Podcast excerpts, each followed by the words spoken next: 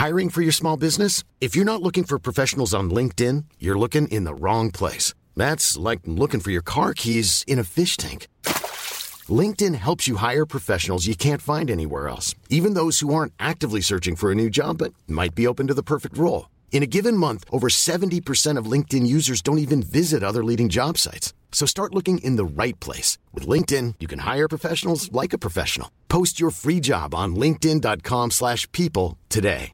Wow. Nice. Yeah. What you're hearing are the sounds of people everywhere putting on Bombas socks, underwear, and t-shirts made from absurdly soft materials that feel like plush clouds. Yeah, that plush. And the best part? For every item you purchase, Bombas donates another to someone facing homelessness. Bombas. Big comfort for everyone. Go to bombas.com slash ACAST and use code ACAST for 20% off your first purchase. That's bombas.com slash ACAST. Code ACAST.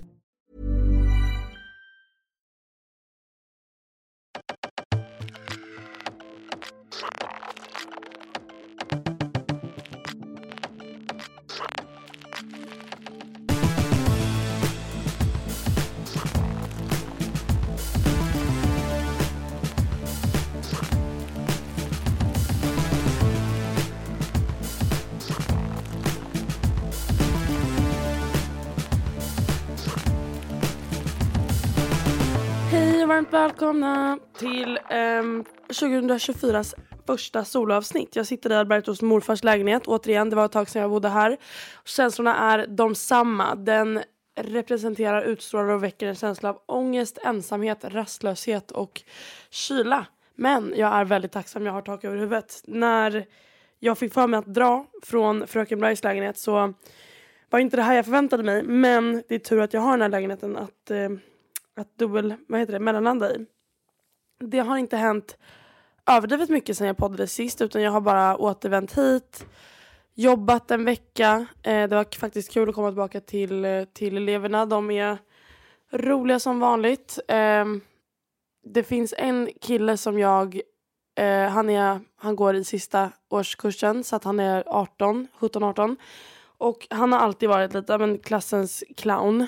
Um, in, alltså, jag tycker om honom jättemycket men han har inte direkt varit den skarpaste den vassaste kniven i lådan när det kommer till engelska. Utan han, eller, han, han förstår också väldigt mycket mer än många andra men han gör sig väldigt han gör sig till pajasen liksom. Det är mm, en svensk version av det som han pratar skulle vara liksom, säga att han står uppe framför, framför klassen så skulle han säga saker som Yes, I don't really know what I'm supposed to say now because I haven't liksom övat så mycket. But I hope you will, alltså liksom fast på spanska då. Eh, han gör sig sämre än vad han är. Och sen hade vi en uppgift i den här veckan eftersom jag inte hade hunnit, ingen av oss eh, lärare hade hunnit förbereda så mycket till den här veckan. Så gjorde vi lätt för oss och delade ut små papperslappar där man skulle skriva upp lite nyårslöften eh, som man har för sig själv. Och eh, då var det tre stycken för skolan, två stycken för hemmet och en för sig själv. Och då, sen när alla skrivit sina så samlar vi ihop dem i en bunt och jag står och eh, tar en, en, en slumpmässig. Och när det kommer till hans tur så är han såhär, nej jag vill inte säga, jag visste inte att man skulle behöva gå upp och säga det när jag skrev det, fan kan vi skita i det här. Och jag ömmar lite för honom för jag vet att han tycker att det är väldigt jobbigt, han känns väldigt osäker. Eh, men min kollega då säger att nej, alla har gjort det så att det är klart det är din tur också, vilket egentligen är så man ska göra för att övar man inte på det som man tycker är jobbigt så blir det inte bättre. Och sen kliver han upp där och jag förväntar mig att han ska vara lika clownig som vanligt men då har han skrivit, alltså så himla fint och hjärtskärande, då har han skrivit så på sina tre första för skolan var som, som alla andra att lyckas med bachiller, att komma in på någon bra universitetsutbildning och jag vet inte, bli bättre i engelska kanske. Um, men sen när det kom till hushållet så stod det typ att jag ska få, jag ska jag hoppas att jag kan krama min syster mer, att hon slutar komma hem och bara lägga sig i sin grotta, vilket då var hennes rum.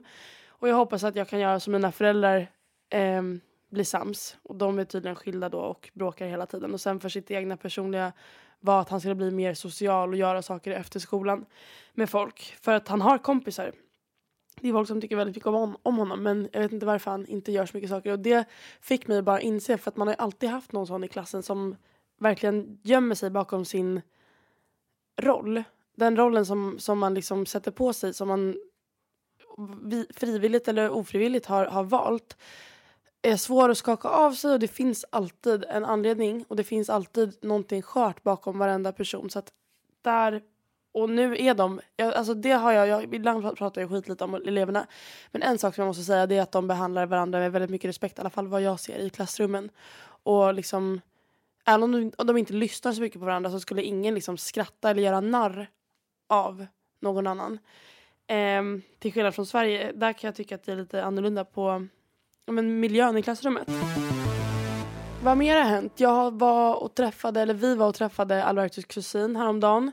Och jag hade ingen lust alls att följa med. Eh, för att jag känner inte henne så väl. Och vad jag har sett av henne så mm, det är liksom vi skämtar och kallar henne för podcasten. För att det är, när man träffar henne och pratar med henne så är det som att hon har liksom en podcast för sig själv. Hon sitter och pratar så här fast det sitter två andra framför henne. Och rantar om sig själv. Så att jag var såhär, nej jag har ingen lust men jag märkte att det var viktigt för honom och jag antar att han lite gjorde det för att bocka av det så jag följde med. Och det fick mig att inse hur mycket folk det finns som är så. Och jag, det är inget ont i henne. Alltså hon är jättegullig. Hon, jag vet att hon bryr sig om oss men det var liksom till slut hade vi suttit och fikat liksom i en och en halv timme och sen när vi ställdes upp så, så fick Alberto en fråga från henne och det var Bueno, y tú, qué tal? Alltså du då, hur är läget? Alltså ingenting och du vet då har hon då vet hon ju att hans pappa är sjuk och allt möjligt och jag bara undrar genuint om det är någon som vet med sig att ni har varit så här innan eller om ni kanske fortfarande är så. Hur går tankarna?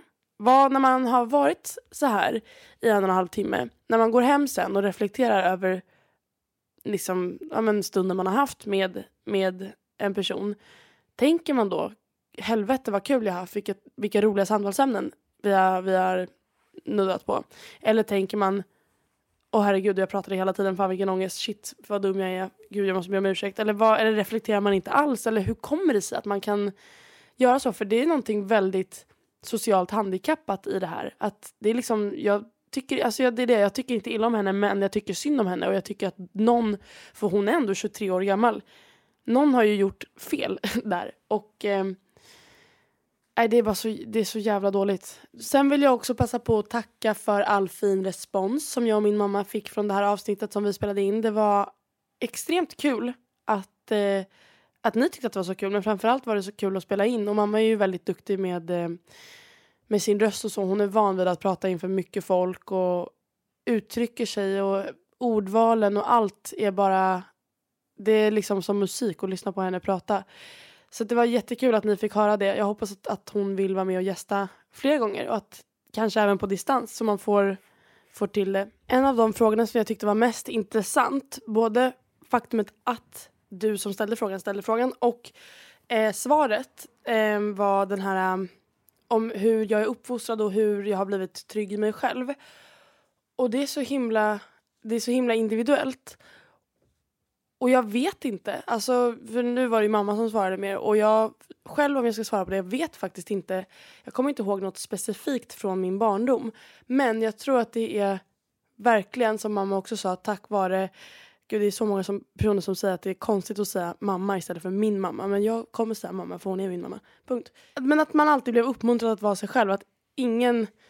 Till exempel, till exempel om när barn säger fel så är det jätteviktigt att inte rätta dem för att då skapar man osäkerhet redan från liksom två års ålder. Utan istället härma det som sägs men säg det rätt. Och även så gör ju min kille med mig nu när jag håller på att lära mig språk och även så gör ju jag med med, eh, med mina elever som pratar engelska. Jag skulle aldrig mitt en mening avbryta om någon skulle säga yeah I go there with my family. Would, då skulle jag aldrig säga då skulle jag aldrig hoppa in innan meningen är klar. skulle jag inte hoppa in utan då säger jag oh, you, you did, you went there, how nice. Alltså så. Och det är så intressant hur allt sånt där funkar. Jag, eh, by the way har jag sagt att jag kom in på den här pedagogikutbildningen och den börjar den 16. Idag är det den 14. Det ska bli jättekul. Det är sånt som jag tycker är intressant på riktigt. Eh, på tal om det, nu idag är det den 14. Jag har varit här i en vecka nu och eh, Alberto hade ingenting för sig i Madrid den här veckan som han har varit här så han har faktiskt varit lite mental, alltså mentalt stöd och hängt med mig i den här lägenheten och sovit här med mig trots att han liksom betalar en jättedyr hyra eh, för sin lägenhet i Madrid. Eh, och det uppskattar jag såklart jättemycket. Eh, och sen igår när han skulle åka, det var inte för alltså, av faktumet att han skulle åka och jag skulle sakna honom så himla mycket men det slog mig att jag hade två veckor kvar på det här stället och jag fick en sån attack av ångest. Och, eh, för vi, vi hade varit uppe jättesent och kollat på eh, Temptation Island, Spanien. Vilket för övrigt vi måste komma tillbaka till. Fy fan vilket dårhus. Eh, vi var uppe till fyra och kollade på det och sen när vi, så vaknade vi liksom vid ett, halv två dagen efter. I, i, igår då. Och skulle bara gå och äta någonting snabbt. Sen skulle han packa ihop sin, sin, sina väskor och dra. Och jag var på så, så dåligt humör. Det var som, en, som ett regnmoln som hängde av mig. Det var som en stor klump inne i, alltså i bröstet som, som gjorde att jag kändes väldigt tung hela dagen. Och till slut frågade han så här, men hur är det? Jag bara, nej men det, det är liksom... Och så försökte jag förklara det och det var så himla svårt. Men till slut så lyckades jag sätta ord på det. Och eh, jag kan ju inte, alltså jag gråter ju hela tiden. Det är, det, det är någonting som man bara får lära sig att leva med om man, om man är nära mig. Men igår var någonting helt annat. Det var liksom hulkgråta hysteriskt. Jag kan inte ens andas gråta. Eh, och än mindre kunde jag få ut ord på spanska så jag började, började ringa runt till mamma, till Isabelle och var så här helt agera i affekt, liksom boka plan hem nivån. Ehm, och det var så himla skönt att han ehm, lyssnade på mig och det kan man egentligen säga här att det, det kan man tycka att det är the bare minimum att bara lyssna på mig men jag har tidigare behövt eh, jag men känt att jag har behövt säga till lite eller förklara, vägleda honom i hur man ska eh, handskas med mig när jag är så himla ledsen. Eh, för förut har jag själv inte ens vetat det utan jag har, och jag har aldrig reflekterat över det. Men nu när jag ändå har någon som jag ändå kan, det kan vara nödvändigt att jag berättar. Så har jag berättat det att istället när jag är så himla ledsen, istället för att bara hitta massa lösningar. För det, det kan man ju också tycka med män. Alltså det, för det är en typiskt manlig egenskap skulle jag väl säga något väldigt maskulint i att istället för att känna utan att bara hitta, tänka logiskt och hitta konkreta lösningar. Eh, även om det är en väldigt sexig egenskap så, kan jag, så är det absolut inte det som jag behöver när jag är så himla ledsen utan då behöver jag mer bli lyssnad på. Helst inte rörd så himla mycket. Alltså om jag går in för en kram, absolut att jag vill ha en kram men sitt inte och klappa mig på handen för då håller jag på att sprängas. Jag blir så himla överväldigad när det händer så mycket. Och igår så verkligen fångade han mig till och med i den här sekunden, eller sekunden, den här momentet som han var så himla stressad för att han skulle åka. Så stannade han upp och bara lyssnade på mig och fick mig att känna mig jättehörd. Och i stunden så, kände, så märkte jag liksom inte hur fin han var mot mig för att jag var så himla hysterisk. Men sen när han hade åkt några timmar senare så, och jag hade lugnat mig så skrev jag ihop ett litet meddelande och skickade det till honom och verkligen berättade hur tacksam jag var. Och det fick mig att tänka på att jag ville berätta för er vikten av att inte vara snål med komplimanger och menar, att få varandra att känna sig sedda. Jag tror att det är en väldigt stor byggsten tänkte jag säga. Säger man så? Det är en väldigt viktig aspekt i ett förhållande att man alltid, att man alltid uppmuntrar varandra till att vara den bästa versionen av sig själva. Ehm, därmed, när, en, när man gör någonting bra, att verkligen upplysa det. Och eh, ja, jag är väldigt nöjd med mitt lilla hundtrick. Det känns, när man pratar så här om det så känns det som att jag verkligen tränar honom till att bli den perfekta pojkvännen. Men det, det kanske man gör. Han, han ber ju mig att, att ändra på mig på det viset också. Ehm, och det tror jag är väldigt viktigt att kunna ha en öppen dialog. Att inte bara säga att nej det här är perfekt, vårt, vårt, vår relation är perfekt, allting är perfekt, det här är så himla bra. Utan våga öppna dörren till att det finns saker att jobba på. För då kommer det jag menar om vi planerar på att vara i den här relationen för alltid så är det lika bra att börja jobba på det på riktigt. Även om vi bara har varit tillsammans i tio månader och det kanske inte hade spelat så mycket roll alla gånger. Och på tal då om boende. Jag sitter ju och säger nu att jag bara har två veckor kvar här i den här lägenheten och det är för att vi faktiskt, jag var hemma hos Albertos föräldrar häromdagen och eh, då kom Claudia, hans syster och hennes man. Eh, och då berättade jag såklart situationen och han säger då att vänta min, min bästa kompis har en lägenhet som har ett rum ledigt. Jag kanske kan kolla med honom. Vi alla bara mm, det kanske du kan. Um, så han, han ringer sin kompis Mitch och Mitch, det visar sig att Mitch har ett rum som blir ledigt nu första februari. Och när jag får Mitch nummer på Whatsapp så ser jag att jag redan har en konversation med honom. Då har jag redan skrivit till honom för samma rum fast i augusti. Men då visste jag inte att Mitch var Mitch. Jag kände Mitch men jag visste inte att Mitch var Mitch, liksom hans nummer. Så det var värsta sammanträffandet. Det var jättekul. Vi gick på en visning då bara två dagar senare.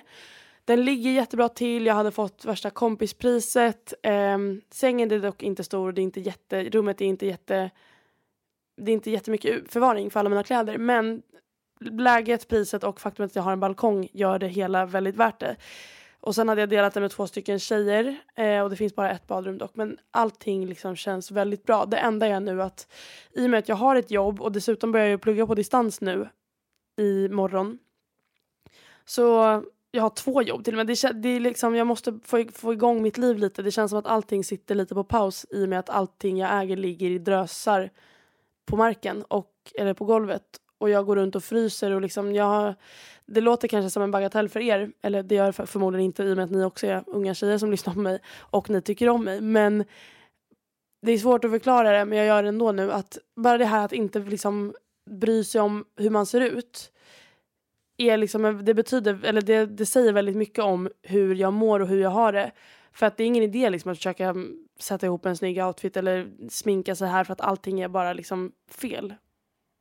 Um, så att jag, jag, liksom, jag cravar en lägenhet just nu och det var det jag skulle komma till för då hade jag skrivit till um, hon som var rektor på den här språkskolan som jag gick på förut. Och så hon och jag har lite kontakt för att jag marknadsför skolan på mina medier och hon, ja, hon är skitgullig. Så att jag har skrivit till henne lite i veckan och sen igår faktiskt så träffade jag henne av en slump på stan. Um, och eh, då sa hon, ja men vi skulle ta ett möte, vad var det du ville prata om? Och så berättade jag för henne att jag skulle faktiskt behöva en lägenhet och i och med att ni skyllde mig lite pengar så tänker jag att om vi bara kan göra någon slags byte, att jag får bo gratis och, ni, och så slipper jag, skicka en faktura till er. Hon bara, ja men det låter ju jättebra, jag ska kolla vad jag har. På måndag skickar jag dig lite options. Så att nu håller vi tummarna här. Alltså jag knackar i trä, ni håller tummar och tår om att jag får en lägenhet som jag kan flytta in i imorgon. Alltså det hade varit drömmen. Jag skiter fullständigt i om det att jag ska dela den med någon också för att jag vill bara liksom komma härifrån nu. Eh, men det, jag var också väldigt taggad på att bo med de här tjejerna i den lägenheten som, är, som blir ledig i Mitchs lägenhet. För att de är två stycken tjejer, de är unga, 18-19 tror jag, från Iran. Och det tror jag hade blivit väldigt intressant. Alltså att lära känna dem. Första gången jag träffade dem så var de väldigt blyga men det är nog inte så konstigt i och med vad de förmodligen har gått igenom. Um, men jag hade, och, och, jag klev in där med två stycken främmande män. Så att uh, jag, det hade varit så intressant. Jag började lyssna på en podcast om um, den iranska samtiden för att förstå lite bättre om vad, allt som händer för jag är inte helt påläst. Men eh, vi får se. Hur som helst så kommer det bli bra och det är det som jag alltid säger mig själv. Det är det det är dit jag alltid kommer tillbaka. Alltid när jag berättar om eh, vikten av att skriva dagbok. Att hur det är väldigt eh, givande för mig. Att jag alltid kan se tillbaka. För att nu, det var dit jag skulle komma. Just det, det här ville jag prata om också. Att eh, varenda gång någonting jobbigt har hänt i mitt liv så jag kan alltid se tillbaka på det med någon slags kärlek för det.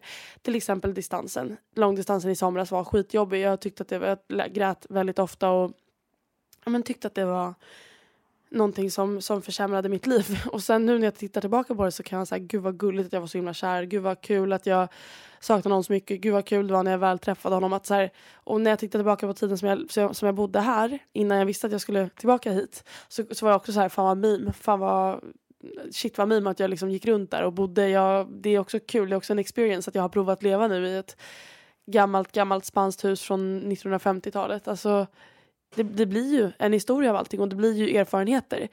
Men när man väl lever i det så är det svårt att märka det. Men, och det är väldigt svårt att romantisera det också när man verkligen inte mår bra.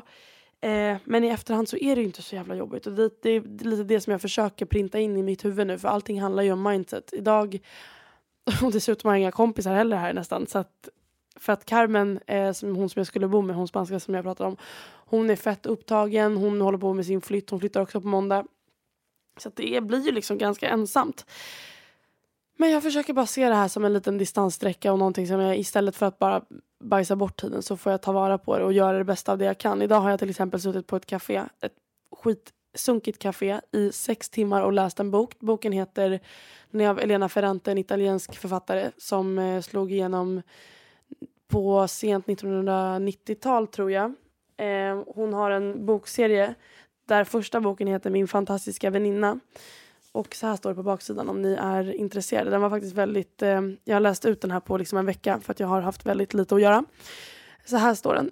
på baksidan. Min medelålders, den medelålders författaren Elena Greco får veta att hennes barndomsvän Lila har försvunnit från sitt hem i Neapel. Händelsen slungar Elena tillbaka till barndomen, till hyreskasernen i Neapels utkanter och kvinnornas gemensamma uppväxt präglad av våld, fattigdom och uråld, uråldriga könsroll, könsrollsmönster.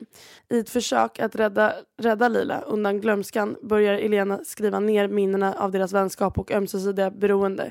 Den upproriska Lila fick vid 14 års ålder sluta skolan och för att börja arbeta i faderns skomakeri. Och när hon fyllt 16 så giftes hon bort med butiksägaren Stefano, Stefano Caracci. Elena däremot fick fortsätta i läroverket tack vare sin fars framsynthet och utbildade sig sedan vid en elitskola i norra Italien. Trots att Elena och Lila tidigare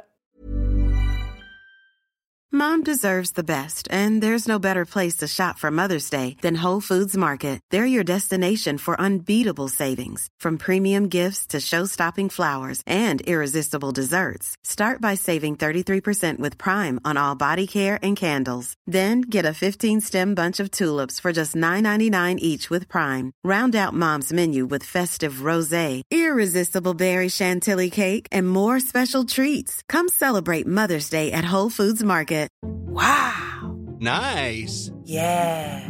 What you're hearing are the sounds of people everywhere putting on Bombas socks, underwear, and t-shirts made from absurdly soft materials that feel like plush clouds. Yeah, that plush. And the best part? For every item you purchase, Bombas donates another to someone facing homelessness. Bombas. Big comfort for everyone. Go to bombas.com slash ACAST and use code ACAST for 20% off your first purchase. That's bombas.com slash ACAST. Code ACAST. tidigt har gått skilda vägar är det båda väninnornas öden sammanflätande för all framtid.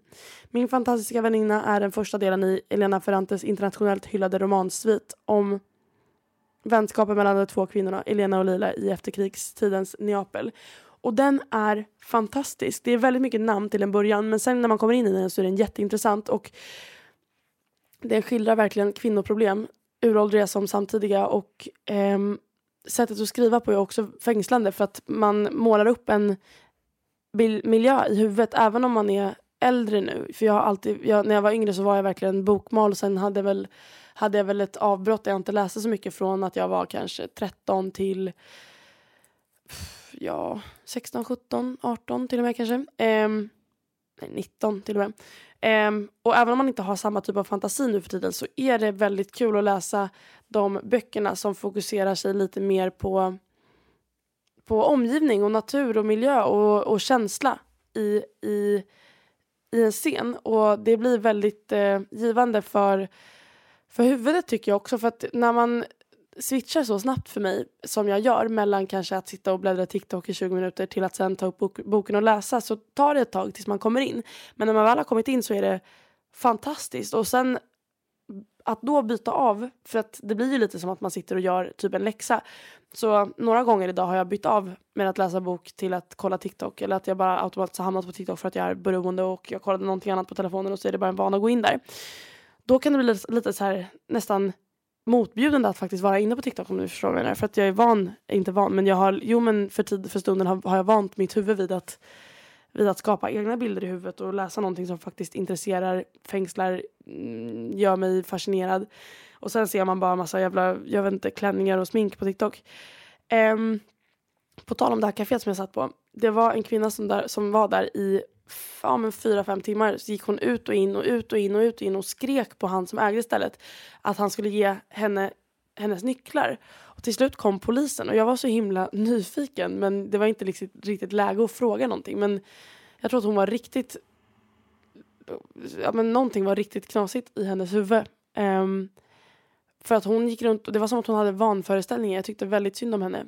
Men jag var också väldigt irriterad för att jag satt ju och försökte läsa och hon skrek på spanska. Mm, så det var svårt. Det var synd om henne också. Mer synd om henne än om mig kanske. Just det, på tal om när jag träffade Albertos kusin. Hon har precis gjort slut med en kille efter fyra år och börjat dejta. Och det var jätteintressant att höra om hennes, eh, ja, men hennes eh, åsikter om dejtandet. För det första för att jag inte har, jag har inte dejtat så mycket på spanska utan det blev ju fullträff första gången. Eh, så att då se hur spanska killar är och skriver, hur också sen vad hon tycker. Det som mest förvånade mig var att hon hade gått på en första dejt. Um, eller han hade bara plockat upp med henne med bilen och så skulle de åka och göra någonting. Um, och så hade han gått ur bilen och kramat henne istället för att ge henne två kyssar eller pussar på kinden som man annars hälsar här. Och hon hade tyckt att det var så himla intimt. Hon hade verkligen känt att herregud, det där är någonting man gör efter, efter ett par dejter eller någonting man gör med en nära kompis eller med familjen. Liksom. Man kramas ju inte bara sådär. Um, och det fick mig verkligen att tänka efter för att för mig är det helt tvärtom. Jag skulle aldrig pussa någon på kinden bara för att jag tycker att det är, det är mer intimt för mig att ha mitt ansikte i ditt ansikte. Att krama dig, det kan man göra lite med vem som helst. Alltså, sen mitt sätt att hälsa på någon som jag lär känna första gången är, eh, är ju i handen. Men hade jag ändå skrivit med någon ett tag, en, en svensk, så hade jag nog gått in för kramen första gången jag träffade honom. Så att, eh, ja, det var verkligen en ögonöppnare för att det, det, jag tror att jag pratade om det förut i podden också, att jag, eh, ibland är det svårt att veta vilket plan man är på, om man, är, om man ska ge en kram eller, eller två pussar för att är man oense så blir det ju jättestelt för att då står jag där och håller kvar dig medan du försöker dra bort och hamna på andra sidan mitt ansikte för att ge mig en puss. Nej, det, nej. Jag vet inte, jag tror att det är ännu stelare faktiskt än den svenska versionen av att jag sträcker fram handen och du ger mig en kram. Fast i och för sig då hamnar handen gärna ofta på könet, det blir också ganska stelt. Oavsett så är det stelt när man inte vet hur man ska hälsa men det är någonting som vi överlever, eller hur? Jag har börjat följa en mamma på TikTok som är så underbar. Hon heter Miss Molly och hon har en son som heter Nate. Och hon pratar finlandssvenska fast med väldigt lite brytning men bara på vissa ord. Och jag kan sitta och titta på henne när hon pratar i timmar och timmar och timmar. Och hennes son är så fantastiskt fin och lugn och väluppfostrad. Och sen fattar jag såklart att man inte liksom kan, det är såklart en bråkdel av det som händer på riktigt, det som man väljer att visa upp på TikTok. Men det ser ut som att de har en så himla mysig relation. Och hon är bara så intressant och hon är jätteung, hon är 24 och han är typ 3 eller 4. Vilket vill säga, eller kanske ännu äldre, 5. Vilket vill säga att hon var väldigt ung mamma och ändå har det blivit så himla bra. Jag menar inte att man inte, inte skulle kunna gå bra om man, har en, om man är ung mamma men det känns som att hon har så mycket tålamod med honom och så mycket tid att sitta och prata med honom och svara på hans funderingar och det är exakt så som, ja, men som min mamma har varit med oss och så som jag vill vara med mina barn. Um, just det, jag har faktiskt haft tid att träffa Carmen, eh, min spanska väninna och hennes pojkvän. Jag var hemma, vi var hemma hos dem i, i fredags efter att jag hade slutat jobbet och eh, då, jag tog med mig Daim, både i, nej jag tog med mig Marabou i Daim smak och i schweizernötssmak till hennes familj för att de är väldigt chokladälskare så jag visade ju the best of Sweden så att säga. Um, och de blev helt frälsta. Diamond gick hem allra bäst, vilket jag visste att det skulle göra.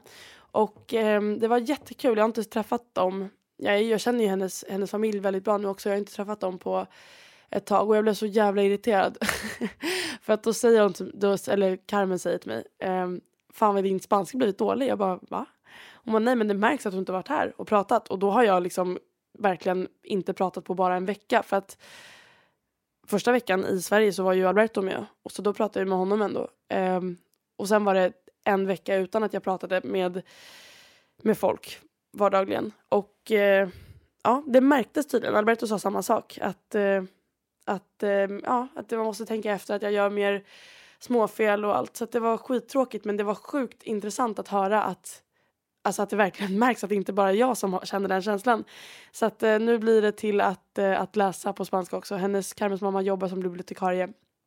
Och min egen mamma skickade bara med mig första utlagan av den här Elena Ferrantes bok. Så att jag ska prova att läsa den på, hon får hyra den eller låna den till, på spanska till mig och så ska jag se.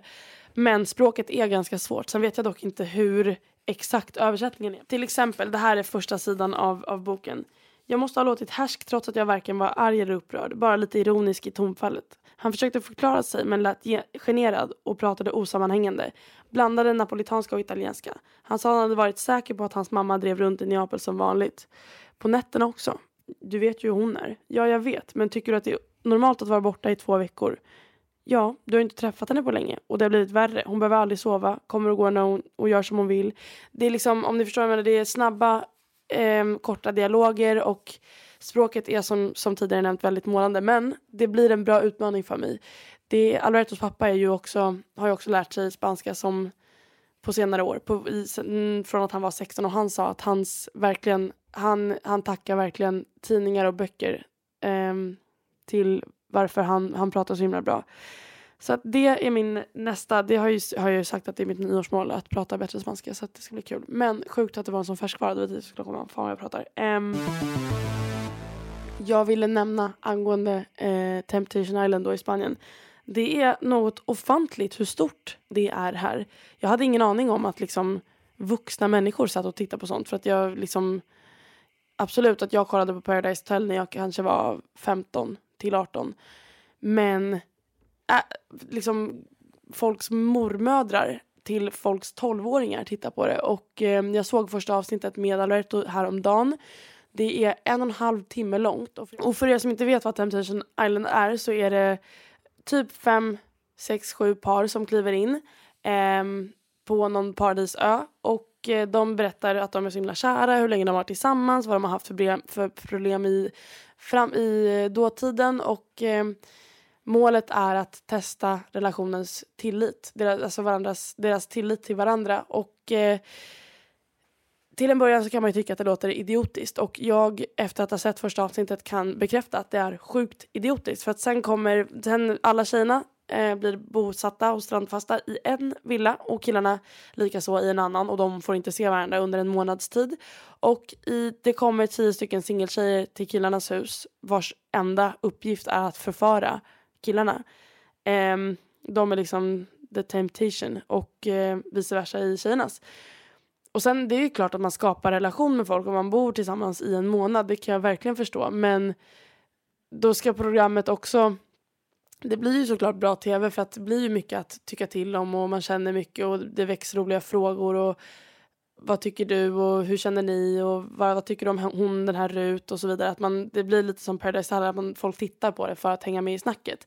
Men som par, jag vet inte hur jag, för jag har aldrig sett det här förut, varken jag vet inte om det finns i Australien men jag vet, vet, att det finns någon, någon engelsk version av det som folk har tittat på men jag har inte tittat på det förut för att jag bara har inte det. Um, det kanske till och med fanns, whatever. Um, jag nu, som nu när jag är i ett förhållande så tycker jag att det känns så jävla idiotiskt. Alltså finns det inte så mycket andra metoder för att titta och värdera tilliten i ert förhållande än att liksom skämma ut er framför tvn. Framför liksom hela spanska folket på tv. För att Sen håller de ju också på för att skapa bra tv, för att skapa och väcka relation, eh, för att väcka argumentationer och, och, reaktioner så har de som någon slags eh, samling varannan var tredje dag där en iPad visar vad som har pågått i killarnas hus och vem som har gjort vad.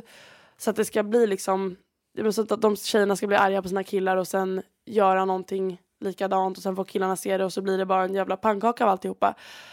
Och det är bara så jävla dystopiskt det här programmet. Alltså, sen fattar jag att folk tittar för att det är underhållning och det är kul att titta på folk som man tycker är dumma i huvudet för att man känner sig bättre själv då.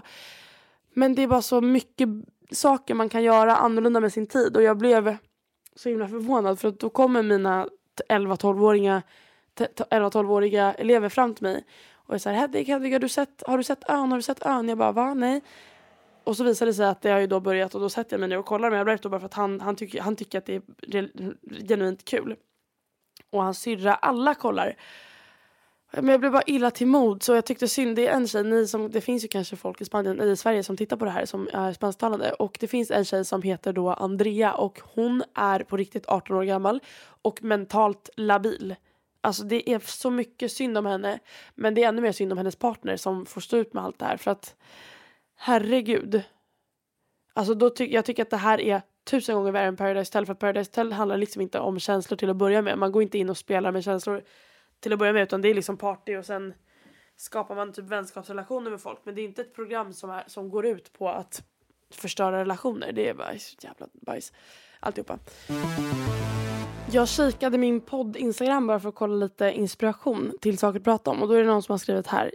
Hej Hedvig, jag älskar podden. Lyssna på avsnittet i tid och otid. Um, jag har ett dilemma som jag undrar om du kan kika på. Jag har börjat ett nytt jobb i december Uh, jag jobbar på en, eller jag säsongar i en skidort. Och jag har en kollega som jag tycker är jättesnygg och lite intressant. Vi har inte pratat särskilt mycket och jobbar på helt olika avdelningar i en matbutik så syns knappt de dagar som vi båda jobbar.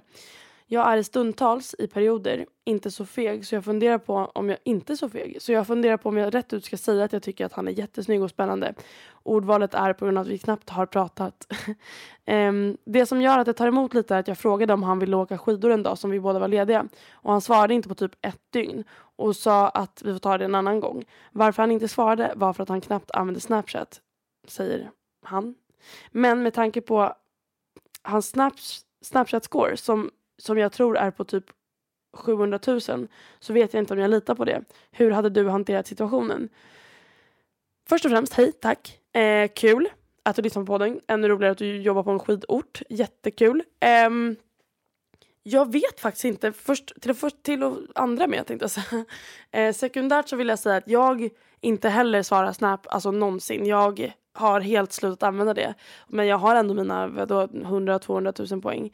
Eller mer kanske. Jag ska kolla det. Åh oh, herregud. Jag har nästan 1,5 miljoner i Snapscore men jag skulle aldrig använda Snap eller svara på det. Men det kan ju hända, eller nu skulle jag vilja veta här, skickade du i chatten eller skickade du på en Snap? För att skickade du i chatten, då förstår jag att det känns lite lurt. Då kan ju han ha halvslidat vad du har skrivit. Och då hade det varit, känts jättesurt att han bara inte svarar på det. Men skickar du på en bild så, så kan det ju ärligt vara ett misstag. Att, han, att du skrev där och inte på sms eller whatsapp eller whatever ni använder. Um, men nu när han vet att, att du är intresserad av att göra någonting med honom så kanske du ska låta lämna det till honom. Um, och inte skriva mer på telefonen men du kan ju starta konversationer i verkligheten för då får du ju ut ännu mer um, info om vad han tycker och vart han står. Han kanske har flickvän, vad vet du, liksom, om ni ändå inte känner varandra. Så att kolla lite i verkligheten men skriv inte mer på, på telefonen skulle jag säga. Det är lite samma som jag rekommenderar den här tjejen härom, härom veckan när jag spelade in det där avsnittet och den var Hedvig svarar på frågor. Jag hoppas att du kan kanske skriva och uppdatera mig om hur det har gått. Det vore jättekul.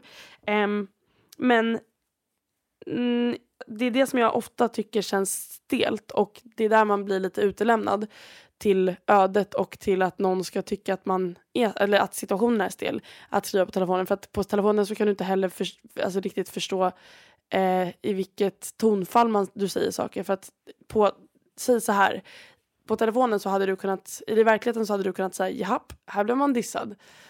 Bara som ett skämt, du vet så här, ja men ha lite självdistans och driva om situationen och du skrattar åt dig själv. Men skriver du på telefonen och han inte känner dig så väl så kan ju han ta det helt fel och vara så här jaha, här blev man diss. Du vet, så här, då kan han ta det som att du verkligen är osäker och ja, men blamear honom. Förstår du vad jag menar? Det, är liksom, det går inte lika bra i, på telefonen som i verkligheten. Så att om du nu, som du själv skriver, i stundvis inte är så blyg så kör det då, där då. Och jag tror att med de här orden så, nej just det, jag har börjat läsa Järnstark nu också. Bara åtta år efter alla andra av Anders Hansen. Det ska bli jättekul.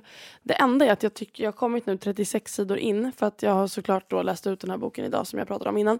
Um, den hittills nu, jag har läst 36 sidor, så tycker jag att den hela tiden går tillbaka till samma sak. Den berättar någon slags fakta och avslutar med att och därför måste vi träna. Alltså det är liksom, man kommer, det är ingen... Blir, den är liksom inte lika fängslande men det kanske är inte riktigt heller målet när man skriver en faktabok om träning. um, men kan inte ni, om ni vet någon spansk bok som är kul och bra eh, och lite mer lättläst, tipsa mig om den. Det hade varit jättekul.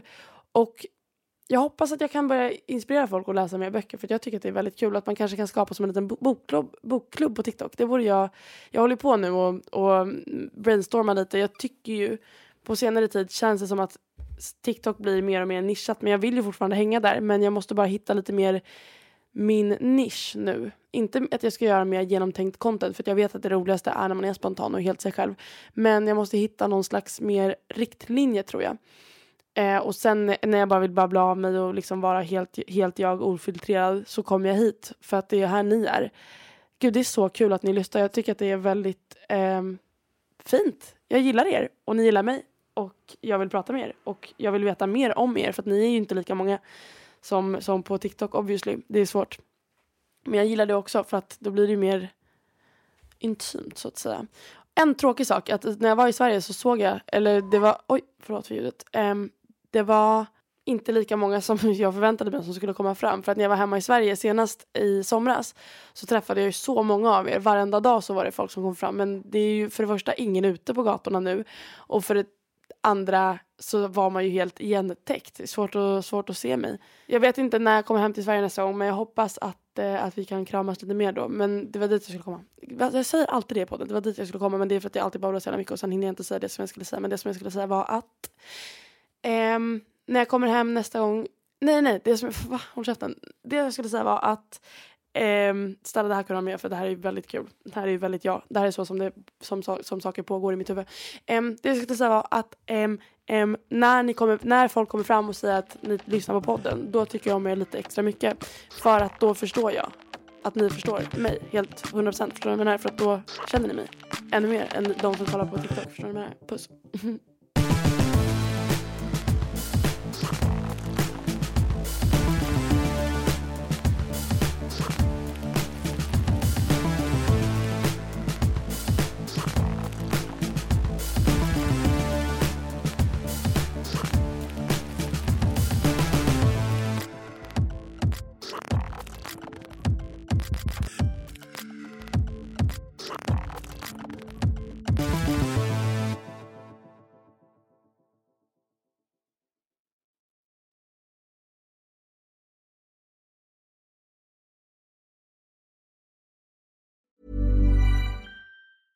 Mom deserves the best, and there's no better place to shop for Mother's Day than Whole Foods Market. They're your destination for unbeatable savings, from premium gifts to show-stopping flowers and irresistible desserts. Start by saving 33% with Prime on all body care and candles. Then get a 15-stem bunch of tulips for just $9.99 each with Prime. Round out Mom's menu with festive rosé, irresistible berry chantilly cake, and more special treats. Come celebrate Mother's Day at Whole Foods Market. Planning for your next trip? Elevate your travel style with Quince. Quince has all the jet setting essentials you'll want for your next getaway, like European linen, premium luggage options, buttery soft Italian leather bags, and so much more. And it's all priced at 50 to 80% less than similar brands. Plus, Quince only works with factories that use safe and ethical manufacturing practices. Pack your bags with high-quality essentials you'll be wearing for vacations to come with Quince. Go to quince.com slash trip for free shipping and 365-day returns.